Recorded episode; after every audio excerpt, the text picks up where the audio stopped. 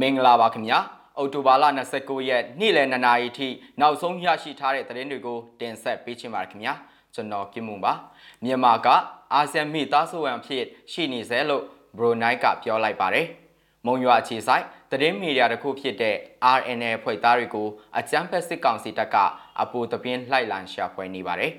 ရေစကြိုမှာရှိတဲ့ Mytel Tower တိုင်းဖောက်ခွဲတိုက်ခိုက်ခံလိုက်ရပါတယ်မြိုင်တိုက်ပွဲမှာစစ်ကောင်စီတပ်ဘက်က 9ဦးတီဆုံးတယ်လို့ကာကွယ်ရေးတပ်ကပြောပါတယ်။ဒီအကြောင်းအရာတွေပါဝင်တဲ့ပြည်တွင်းသတင်းတွေကိုတင်ဆက်ပေးပါတော့မယ်။ပထမဆုံးသတင်းအနေနဲ့စစ်ကောင်းဆောင်ကိုနှစ်ပတ်လည်အစည်းအဝေးတွေကနေဖယ်ချန်ထားခဲ့တဲ့အတွက်အာဏာသိမ်းခံမြန်မာနိုင်ငံက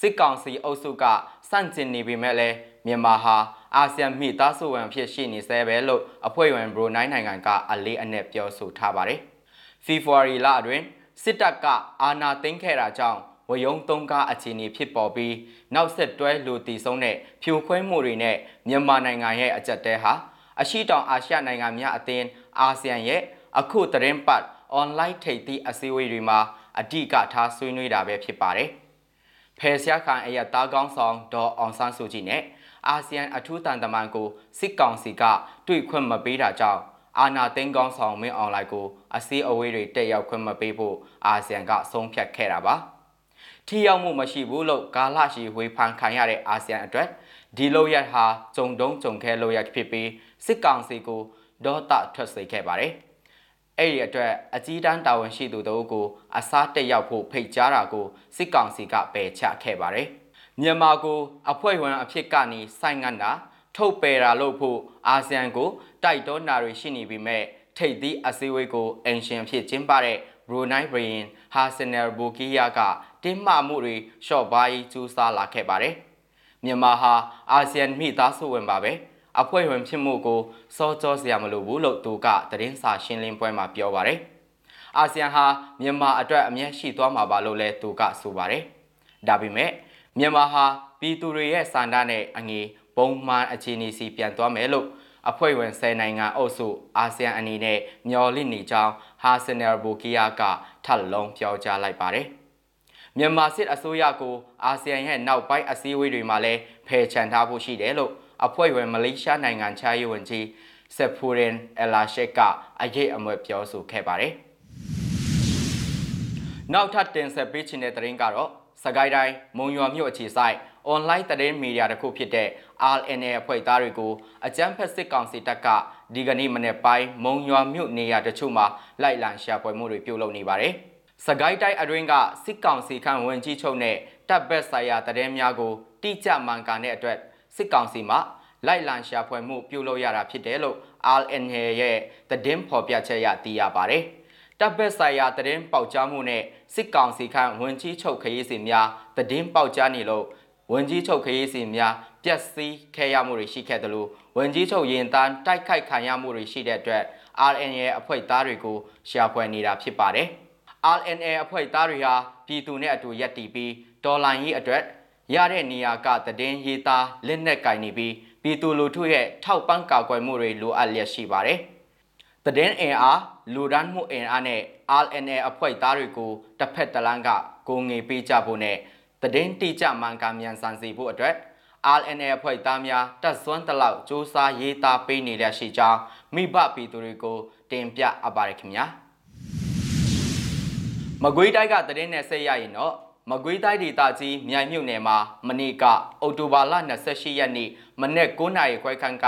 မြိုင်ဘဟင်းခေအင်းလာမပေါ်တွင်စစ်ကောင်စီရင်တန်းကိုပြည်သူတော်လှန်ရေးတပ်မတော် PRA ကမိုက်ဆွဲတိုက်ခိုက်ခဲ့ရာအပြန်လန်ပစ်ခတ်မှုတွေဖြစ်ပွားခဲ့ပါတယ်။အိမ်မြိုင်ဘဟင်းခင်အင်းလမ်းမပေါ်ဖြတ်သွားတဲ့စစ်ကောင်စီတပ်ကားတွေနဲ့စိုက်ကယ်တွေကို PRA ကမိုင်းလီလုံးခွဲပြီးတိုက်ခိုက်ခဲ့တာဖြစ်ပါတယ်။အဲ့ဒီမြိုင်ဘဟင်းခင်အင်းလမ်းမပေါ်ဖြတ်သွားတဲ့စစ်ကောင်စီတပ်ကားတွေနဲ့စိုက်ကယ်တွေကို PRA ကမိုင်းလီလုံးဖြင့်ဆွဲပြီးတိုက်ခိုက်ခဲ့တာဖြစ်ပါတယ်။ ခုလိုမိုင်းဆွဲတိုက်ခိုက်ခဲ့တဲ့အတွက်စစ်ကောင်စီဘက်ကပြစ်ခတ်ရာကအပြန်အလှန်ပြစ်ခတ်မှုများဖြစ်ပွားခဲ့ပါတယ်။အဲ့ဒီပြစ်ခတ်မှုနဲ့မိုင်းဆွဲတိုက်ခိုက်မှုဖြစ်စဉ်အတွင်းစစ်ကောင်စီတပ်ဘက်က9ဦးကြာဆုံးသွားတာကို တွေ့ရကြောင်း PRL ကဆိုပါတယ်။ဒီကောင်တွေဘက်ကကားနဲ့ကောစိုက်ကယ်နဲ့ရောလာတာကျွန်တော်တို့ကအစ်စ်နေရာယူပြီးမိုက်ဆွဲတယ်ပစ်တယ်ခတ်တယ်ပေါ့နော် ကားစိုက်ကယ်အရေးအတွက်ကနင်းနေတော့များတယ်တေချာတော့မမတ်မိဘူးမိုက်ဆွဲလိုက်တော့ဒီကောင်တွေကနောက်ကနေလိုက်ပစ်တယ်လက်နဲ့ကြီးတွေနဲ့ထုပြီးပြန်ဆုပ်နေကြတယ်ပေါ့နော်သူတို့ကအမြဲတမ်းဖြတ်နေကြတော့မဟုတ်ဘူးပေါ့ဒီနေ့သူတို့ဖြတ်မယ်လို့သတင်းရလို့ကျွန်တော်တို့ကကြိုပြီးစောင့်နေတာပါလို့ PRA အဖွဲ့မှဘူဂျပန်ကမီဇီမာကိုပြောပါတယ်။အပြန်လန်ပစ်ခတ်မှုမှာ45မိနစ်ခန့်ဖြစ်ပွားခဲ့ပြီးစစ်ကောင်စီတပ်ဘက်က စိုက်ကယ်တစ်စီးမှာမိုင်းဆွဲတံကြောင့်ကြီးမွသွားတယ်လို့ဆိုပါတယ်။စစ်ကောင်စီဘက်ကအကြရှုံးရှိပြီးနောက်ပခုံးထန်းလောင်ချာရီနဲ့ပြန်လည်ပစ်ခတ်ရင်းစုတ်ခွာသွားကြောင်းသူကပြောပါတယ်။အဲ့ဒီတိုက်ပွဲမှာပြည်သူတော်လိုင်းတပ်မတော် PRA အဖွဲ့နဲ့မြိုင် PDF အဖွဲ့တို့ပူးပေါင်းတိုက်ခိုက်ခဲ့ပြီး PDF အဖွဲ့ရဲ့များဘက်မှအထိခိုက်မရှိကြောင်းသိရပါတယ်။ဆက်လက်ပြီးတော့မကွေးတိုင်းရေစကြိုမြို့နယ် ပိတ်သိန်းကရွာမှာရှိတဲ့ Mytel Tower တိုက်ကိုမနေ့ကအော်တိုဘာလ28ရက်ည9:00နာရီလောက်မှာရေစကြို PDF ကဖောက်ခွဲတိုက်ခိုက်ခဲ့ကြောင်းသိရပါတယ်။မီဇီမာကအရရှိထားတဲ့ရုပ်တံဖိုင်ထဲမှာတာဝါတိုင်အောက်မှာရှိတဲ့ဆက်သွယ်ရေးပစ္စည်းတွေထားတဲ့ပုံးမီလောင်ကျွမ်းနေတာကိုမြင်တွေ့ရပါတယ်။ရေစကြိုမြို့နယ်မှာအော်တိုဘာလ28ရက်ညပိုင်းကလည်း ကင်းလှည့်နေတဲ့စိုက်ကယ်3စီးကို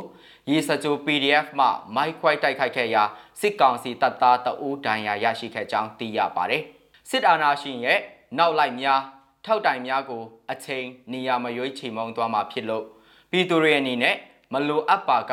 အပြင်းမထွက်ကြဖို့လဲရေစကြို PDF မှတောင်းဆိုထားပါတယ်။